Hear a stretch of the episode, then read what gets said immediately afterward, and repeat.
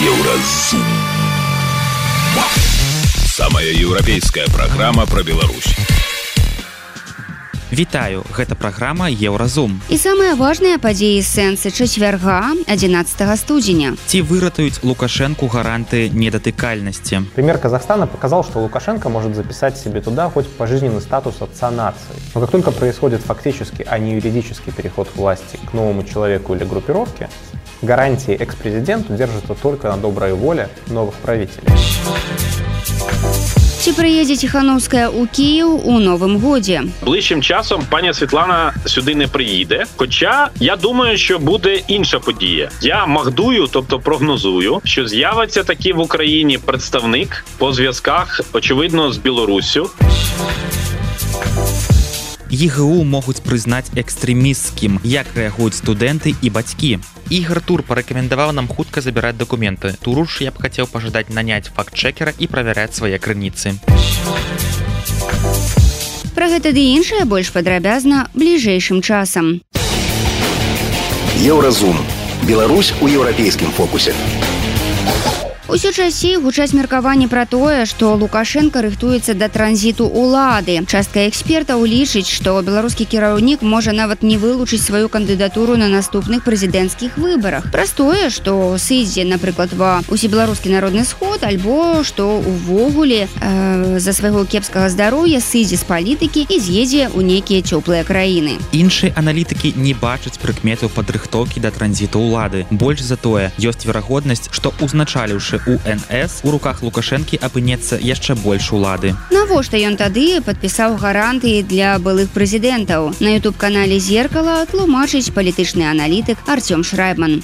В декабре Лукашенко подписал закон о президенте, где, кроме прочего, появился большой раздел о гарантиях бывшим президентам и членам их семей. Кроме пожизненных госохраны, финансового обеспечения, жилья, поста в ВНС и в Совете Республики, экс-президент теперь может рассчитывать на иммунитет от преследования за все, что он сделал на своем посту. Такие же гарантии, финансовые и иммунитет от преследования распространяются и на членов его семьи. Многие СМИ, особенно не белорусские, всполошились. Неужели Лукашенко засобирался в отставку? Конечно же, сам по себе этот закон не дает нам никакой новой информации о планах Лукашенко. Он принят в развитие Конституции 22 года. Там впервые появилось упоминание про гарантии бывшим президентам. И появился пункт о том, что его статус устанавливается законом. Вот теперь пришло время принять этот закон. Вообще гарантии экс-президентам это довольно распространенная вещь, в том числе и в демократических странах. Правда, обычно это касается охраны или денежного пособия. Давать полный иммунитет самому главе государства и тем более членам его семьи – это довольно редкая практика. Но и она встречается в других странах. И основная цель понятна Сделать так, чтобы у президента было меньше стимулов цепляться за власть, лишь бы избежать любого наказания себе или своей семье. В случае с Лукашенко это продолжение того же законодательного тренда, который он начал два года назад с принятия новой конституции.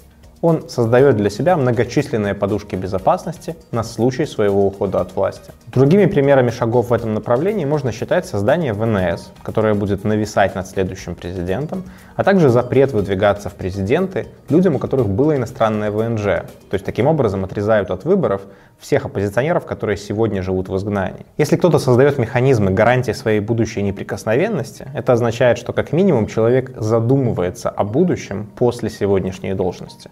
Но это ничего нам не говорит о сроках и о том, есть ли эти сроки вообще в голове у Лукашенко. Еще одно важное отличие подобных гарантий в демократиях и в таких странах, как Беларусь, это сила записанных в Конституции или законах норм. Пример Казахстана показал, что Лукашенко может записать себе туда хоть пожизненный статус отца нации. Но как только происходит фактически, а не юридический переход к власти к новому человеку или группировке, гарантии экс-президенту держатся только на доброй воле новых правителей. Переписать еще раз Конституцию или законы, или даже переименовать города, названные в честь предшественника, это дело техники и нескольких месяцев. Поэтому в конце концов будут иметь значение не все эти документы, которые сейчас подписывает Лукашенко, а тот неформальный контроль за преемником, который у него останется. А если он посчитает, что такого контроля он добиться не сможет, то никакой пожизненный особняк, соцстраховка или даже иммунитет от преследования не убедят его добровольно уйти на пенсию.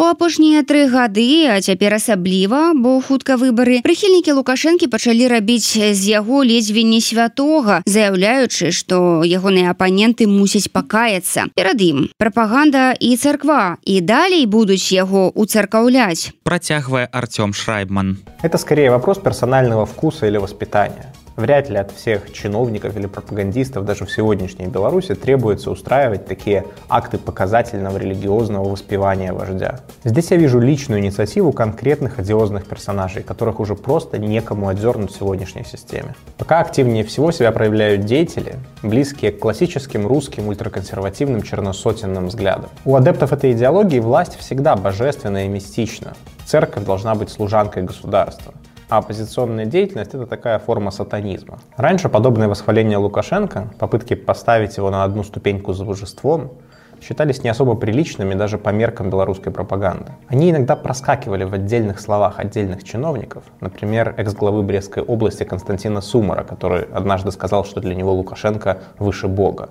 но они были исключением. Теперь подобные люди поощряются, они постоянно получают от государства личные награды, что посылает сигнал остальным. Этот посыл довольно понятен, что есть простой путь к расположению высшей власти.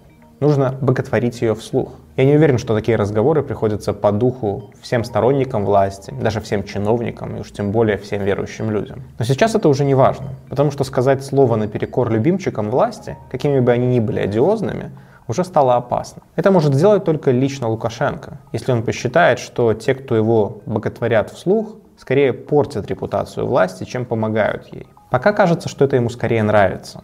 В отличие от туркменских или северокорейских вождей, Лукашенко никогда особо не педалировал свой культ личности до 2020 года. Ну а теперь, что называется, распробовал и это блюдо. Если мы посмотрим на это чуть большего отстранения, то создание полноценного культа личности было бы еще одним шагом Беларуси к современной версии тоталитарного государства. Пока это лишь скромное проявление на уровне отдельных пропагандистов.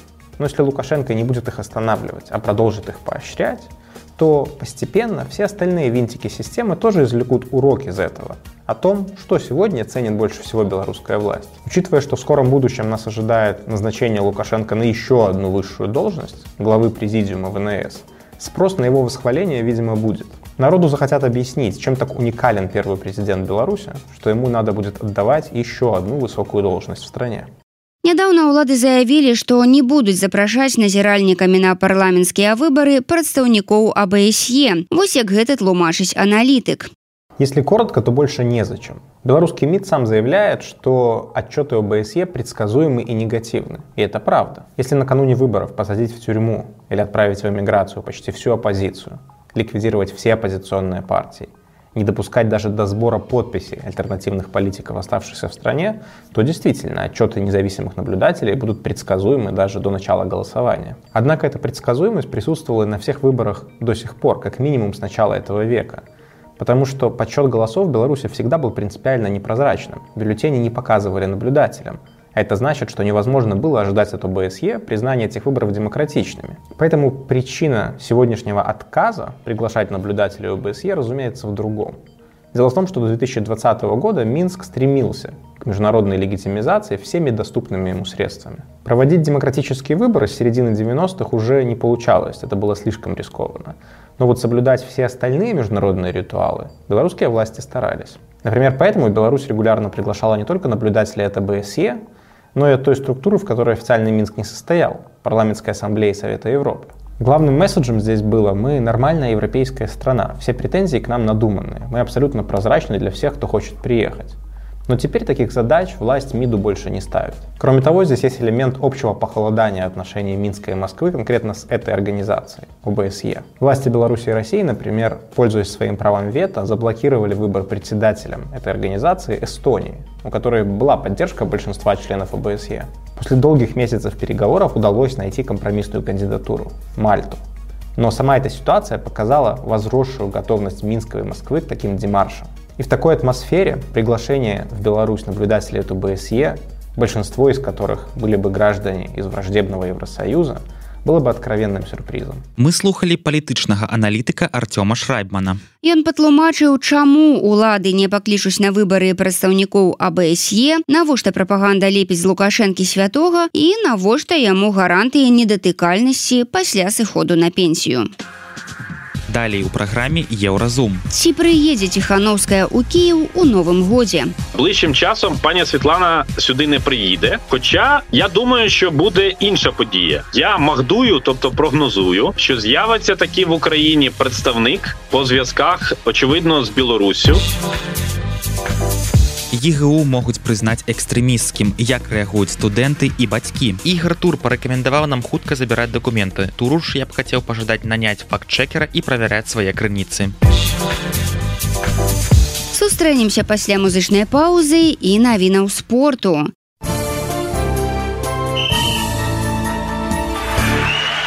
на еўрарадыё навіны спорту Сталі вядомыя саперніцы беларускіх тэнісістак на аўстраліян Open. Вікторыя Зарынка ў першым раўндзе сустрэнецца з камілай Джорджы з Італіі, а Александра Сасновіч з іспанкай рэбекай Машаравай. Дзейная чэмпіёнка адкрытага чэмпіянату Аўстраліі Арына Сабаленко даведаецца сваю саперніцу пазней. Сусветная федэрацыя тэквандо дазволіла допуск беларусаў і расіян у нейтральным статусе. А вось сусветная федэрацыя кёрлінга палічыла іх вяртанне на міжнародныя спаборніцтвы перадчасным і прыцягнула адхіленнем. Санкцыі адбіваюцца, яны ўплываюць і на матывацыю гульцоў зборнай Беларусі, заявіў галоўны трэнер мужчынскай беларускай гандбольнай зборнай Юрый Шаўцоў. Беларускі гандбол знаходзіцца пад санкцыямі ўжо амаль два гады. Шаўцоў кажа, што нават у такіх умовах трэба працягваць нешта рабіць, піша трыбунам. Беларускі хакеіст ігар Мартынаў згуляў свой 200 матч у КХл. Ён дэбютаваў у 2019 у складзе мінскага дынама, цяпер выступае за расійскі клуб авангард. Міжнародная федэрацыя хакея часова адхіліла Ізраіль ад міжнародных спаборніцтваў па меркаваннях бяспекі, яе кіраўніцтва прыняло такое рашэнне пасля уважлівага разгляду і на аснове ацэнкі рызык. Ізраіль працягвае змагацца супраць тэрарыстаў, якія летась здзейснілі маштабную тэрарыстычную атаку. Гэта былі навіны спорту на еўрарадыё, заставайцеся з намі. Еўразум жыві ў рытме Еўропы. Падчас візіту ўкраіны Балтыі прэзідэнт Украіны Владзімир Зяленскі неаднойчы згадаў Беларусь. Ён адзначыў, што перамога Украіны і яе ўступленне ў НАТО дасць новы шанец нашай краіне. Ми вільні це гарантія, що свобода вистоїть в Молдові, не полишить Грузії і прийде, обов'язково прийде в Білорусь.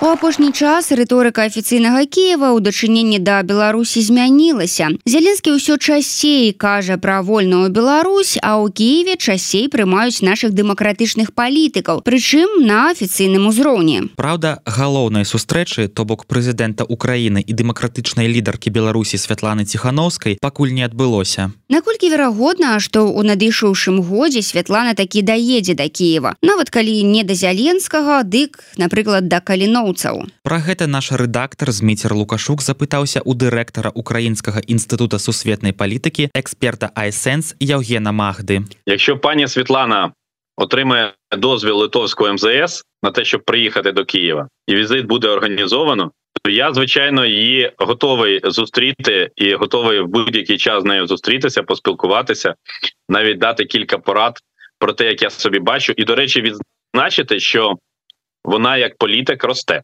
Це приємно відзначати, тому що я розумію, що її е, людська і політична доля доволі непроста.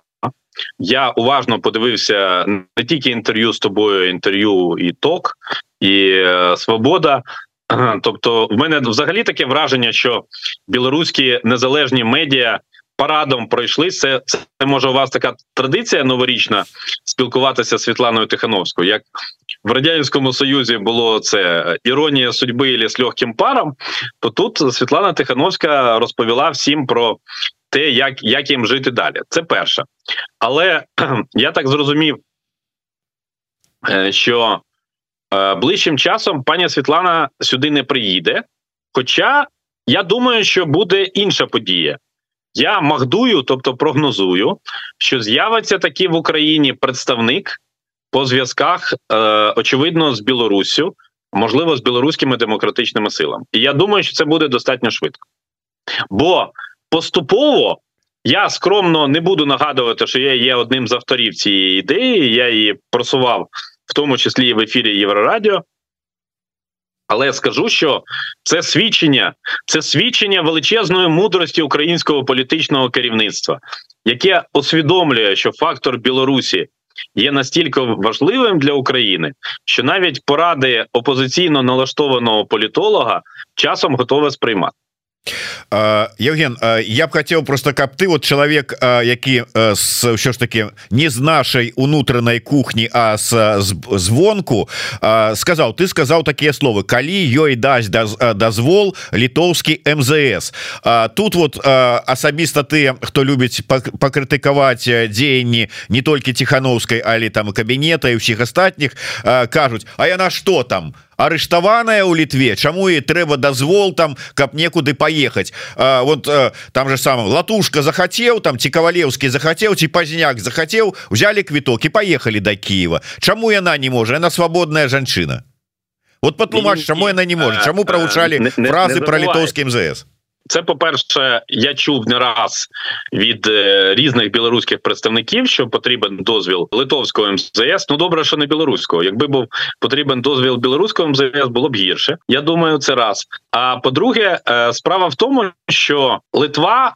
У 20-му році, надавши політичний притулок по суті Світлані Тихановській, і не лише їй, вона ну пішла на я вважаю серйозний політичний крок і взяла за це на себе відповідальність за білоруські демократичні сили в цілому. Я бачу всередині Литви достатньо складні процеси, пов'язані до речі з присутністю білоруських демократичних сил. Мене не зовсім переконав Валєр Ковалевський в поясненні, чому він переїхав з Вільнюса до Варшави. Я вважаю, що якби з України з офісу українського президента, бо він у нас всім керує, офіс керує не президент з офісу українського президента, був би певний політичний сигнал. То Світлана Тихановська відклала б всі справи отримала б е, згоду литовського МЗС та вирушила до України буквально в той самий вечір. Я виходжу з тієї простої причини, що, попри традиції, під час конференції Шлях до волі Світлана Тихановська спочатку звернулася до учасників конференції, а потім виступала під час панелі, присвяченій білорусько-українським відносинам, які яку я модерував. Правда, вона повторила практично одне і те саме. Тобто, це для неї я так розумію, був експромт. Пам'ятаєш, як в цьому мультику вашу маму і тут, і там показують. От е, це збоку виглядало приблизно так. Я радий, що вона вірніше її оточення взяло на озброєння мою тезу про те, що без демократичної Білорусі немає безпечної Європи. Це мені безумовно приємно. Але я готовий при зустрічі поділитись новими тезами, як кажуть, як казали в Одесі старі часи, їх є у мене. Працягваем размову з Яўгенам Магдам. Давай вернемся до да іншай темы вось про стратегію гэта наша с тобой любимая і балючая тема стратегія адносна там супрацы дзеянняў там с дэмакратычнымі сіламі беларускімі. Про Беларусь не кажам. Вось ты кажаш про тое что будзе хутчэй за ўсё неўзабаве прадстаўнік ці там які дарацца по супрацы с... Ні, буде представник Я думаю що буде представник України швидше за все українського МЗС. Тому що як виглядає представник Верховної Ради в цьому контексті я собі не уявляю.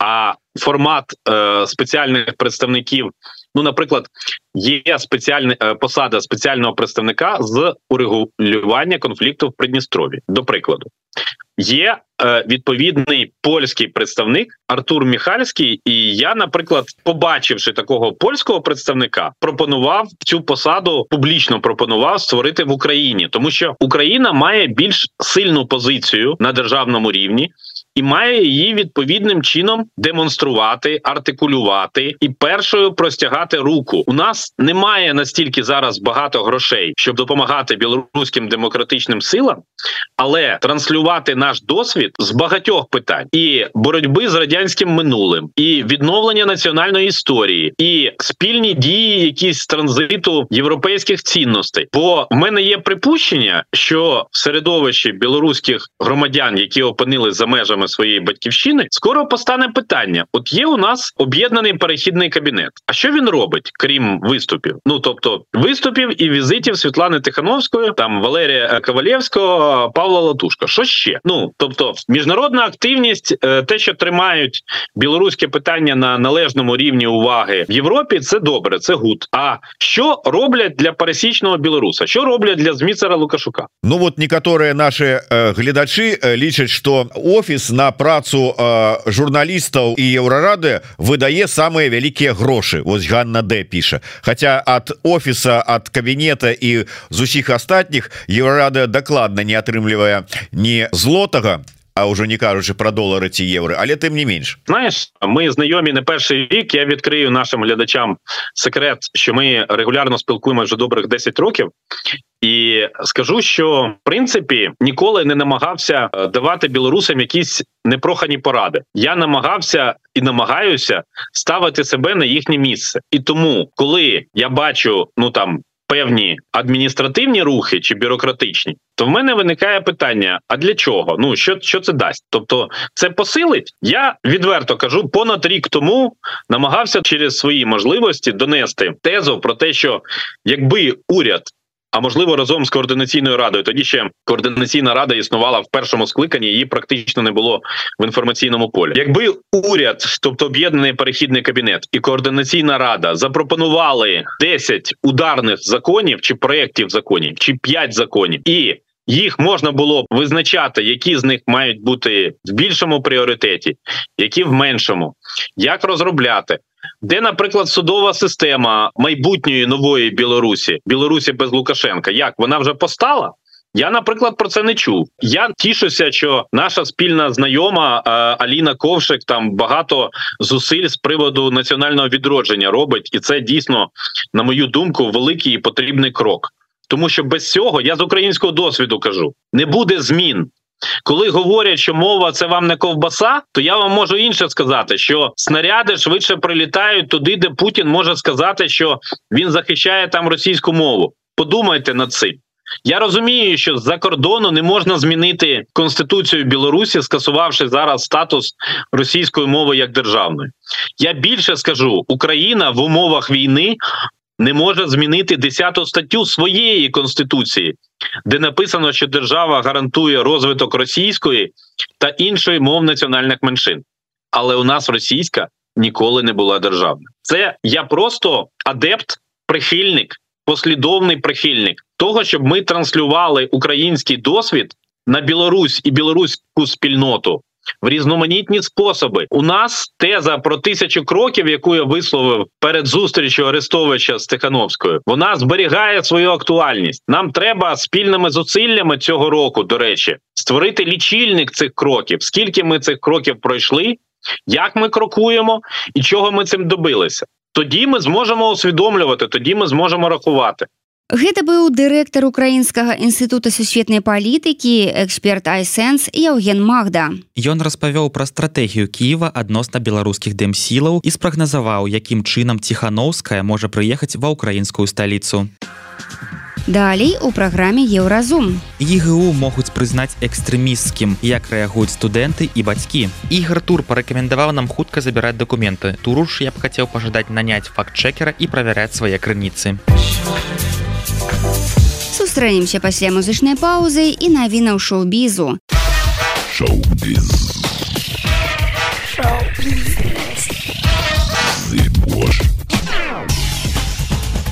Вітаю гэта навіны шоу-бізу У сетцы з'явіўся першы трэйлер кінастужкі мацярынскі інстынкт. Галоўныя ролі ў фільме выканалі Джессіка Чэстын і Эн Гэтуэй. По карціне расказваецца пра лепшых сябровак суседак Эліс і Селін, чыё ідэальнае жыццё заканчваецца пасля трагічнай смерці аднаго з дзяцей. Гільдыя рэжысёраў Амерыкі прадставіла намінантаў на сваю штогадовую 76ю прэмію DJ Awards за галоўны трафей у катэгорыі лепшая рэжысура ў поўнаметражным фільме будуць змагацца Грета Гервік з фільмам Барбі, Крыстафер Нолан за пэнгеймерам, Йоргас Ланцімас бедныя няшчасныя, Марцін Скарсезы забойцы кветкавага месяца і Александр Пейн пакінутыя. Нагадаем, што ў 2023 годзе ў спісе намінантаў адсутнічалі жанчыны рэжысёры. Сёлета Грета Гер гэрвік са сваім касавым хітом барбі аказалася адзінай жанчынай у спісе сярод калег мужчын беларускі блогер улад а4 яго дзяўчына Юлія гадунова упершыню стануць бацькамі аб надыходзячым папаўненні ў сям'і зоркі YouTube расказалі ў сваіх соцсетках у нстаграм каханай бумагі з'явілася публікацыя якая ўсхвалявала ўсіх падпісантаў зоркі YouTube канала а4 маладая пара не змагла стрымліваць свае эмоцыі і распавяла аб самай шчаслівай падзеі ў сям'і цяжарнасці. Як стала вядома з новага паста гадуновай дзяўчына знаходзіцца на апошняй стадыі цяжарнасці а гэта значыць што хутка на свет з'явіцца а4 малодшым. Гэта былі навіны шоу-бізу, заставайцеся на хвалях еўрарадыё.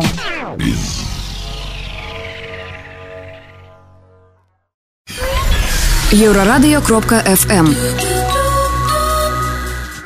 Уся гэтая гісторыя ўзарвала студэнцкія чаты, але пакуль мы ў асноўным жартуем. Расказвае еўрарадыё адзін са студэнтаў ЕГУ, які паводле канспіралагічнага прагнозу прапагандыста ігаратура могуць прызнаць экстрэміскім. Увечары 8 студзеня, абліваючы вось гэтае ВНУ памыямі ў эфіры АНТ, тур намякнуў навучэнцам, што трэба забіраць дакументы і часу іх паводле яго адчуванняў засталося мала. Ці скарыстаюцца клапатлівай парадай прапагандыста студэнты, ці ёсць паніка сярод навучэнцаў і як паводзіць сябе адміністрацыя ВНУ у гэтай сітуацыі. Вось што мы даведаліся, слухаем рэпартаж еўрарадыё. Пакуль мы яшчэ не разумеем, што адбываецца і што будзе, кажа студэнт ЕГУ Александр. У мэтах бяспекі еўрарадыё змяніла імя суразмоўцы. Са слоў хлопца такое цкаванне ЕГУ з боку дзяч прапаганды здарылася ўпершыню за доўгі час. Вядома, студэнты пераймаюцца і Александр у тым ліку. Галоўная прычына ў тым, што яны не ведаюць свайго статусу на найбліжэйшы час. Студэнты экстрэміскага універсітэта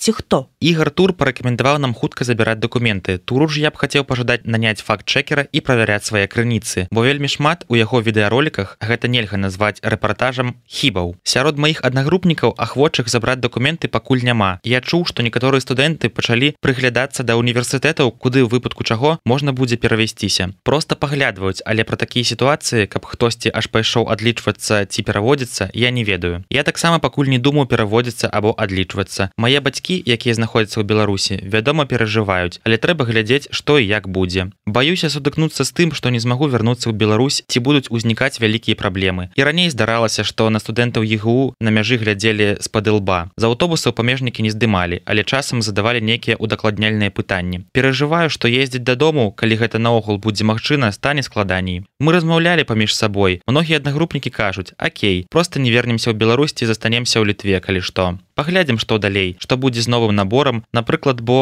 80 процентаў студэнтаў гэта беларусы Што да рэакцыі адміністрацыі ЕУ студэнты пераймаліся праз тое, што універсітэт адразу ніяк не рэагаваў на гэтую гісторыю, але пасля прыйшоў ліст. Рэктар звярнуўся да студэнтаў і заявіў, што цытата асноўны ўпор універсітэта заўсёды быў і застанецца на адукацыі, акадэмічнай свабодзе і развіцці грамадзянскай супольнасці. Любыя сцвярджэнні пра палітызацыю дзейнасці універсітэта ці абвінавачванні ў тым, што адміністрацыя угаворвае студэнтаў удзельнічаць у палітычных дзеяннях з'яўляюцца недакладнай інфармацыяй. Таксама адміністрацыя дала студэнтам зразумець тое, што будзе адбывацца далей, залежыць ужо не ад ЕГУ, а ад беларускіх уладаў бывае што азаронак нешта скажа і на наступны дзень да чалавека прыходзяць і забіраюць на 15 сутак. Што будзе ў гэтым выпадку? Ці прызнаюць цэлы універсітэт з больш чым тысячай студэнтаў якія часта ездзяць Беларусь экстрэміскай арганізацыі? Невядома. Хочацца падтрымкі і гаранты ад універсітэта нейкіх крокаў пісьменных дзеянняў важкіх заяваў. Пакуль нічога гэтага няма. Хочацца адчуваць сябе абароненым. Калі егу ўсё ж прызнаюць экстрэміскім хочацца каб адміністрацыя універсітэта нешта зрабіла для таго каб хаця б юрыдычна мы былі абароненыя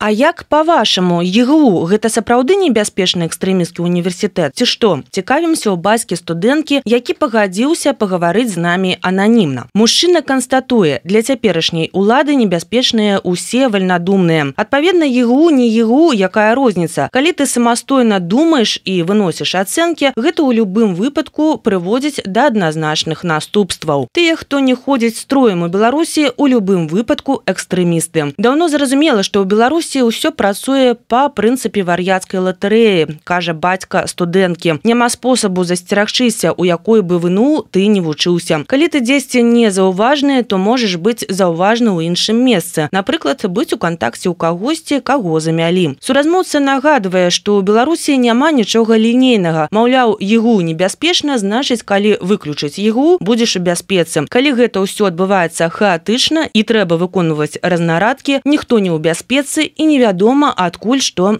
можа прыляцець будем неяк выжываць і прыстасоўвацца калі рашэнне будзе прынятае что будзе прынятае мы асабліва не сумняемся бо сітуацыя даўно развіваецца по найгоршым сцэнары калі нейкае рашэнне можа пагоршыць сітуацыю яно як правіла у нас прымаецца. Мы і ведалі куды поступалі і навошта егу гэта не толькі адукацыя але і свайго роду супольнасць і гэта вельмі важно для тых хто шануе беларускасць і хоча быць беларусам незалежная адукацыя у беларускім беларускім ключы каштоўная мы ведаем что адбываецца з беларускай адукацыяй тут. Мы выйшлі з ссср таму памятаем что было раней і уяўляем что будзе далей. Некае ожидание топіць у гэтым балоце дзяцей няма таму поступленне у егу мы разглядалі як лагічны варыянт мы разумелі что будуць нейкія нязручнасці і наступствы. Ну а что зробіш будем глядзець по сітуацыі беларусы выжывальшчыкі адпаведна калі ты не можешь змагацца с катком спрабуеш яго яго абысці. Усе хто вучыцца ў егу і наогул за мяжой праходзяць праз крызіс распавядае наш суразмоўца. Мужчына прыгадвае што асабліва цяжка прыйшлося тым хто вучыўся падчас пандэміі. Некаторыя студэнты нават кінулі універсітэт бо аказаліся замкнутымі ў чатырох сценах. Но маладому чалавеку вельмі цяжка такое трываць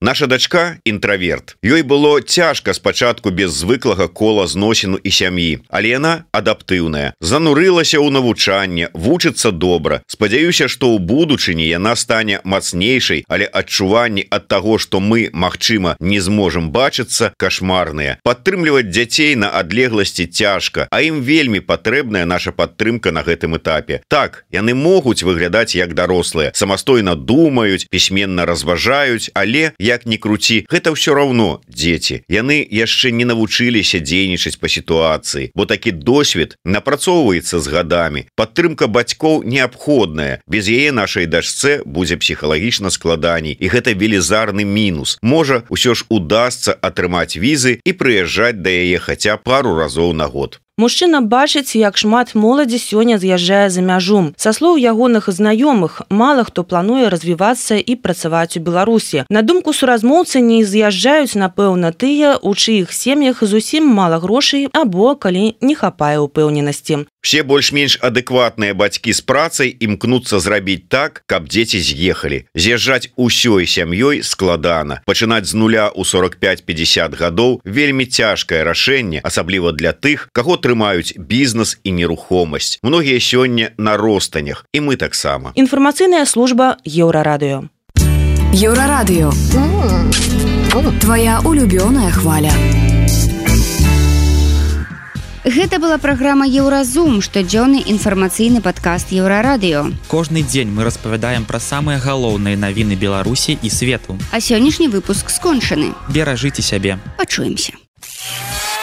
Еўразум. Самая еўрапейская праграма пра Беларусь.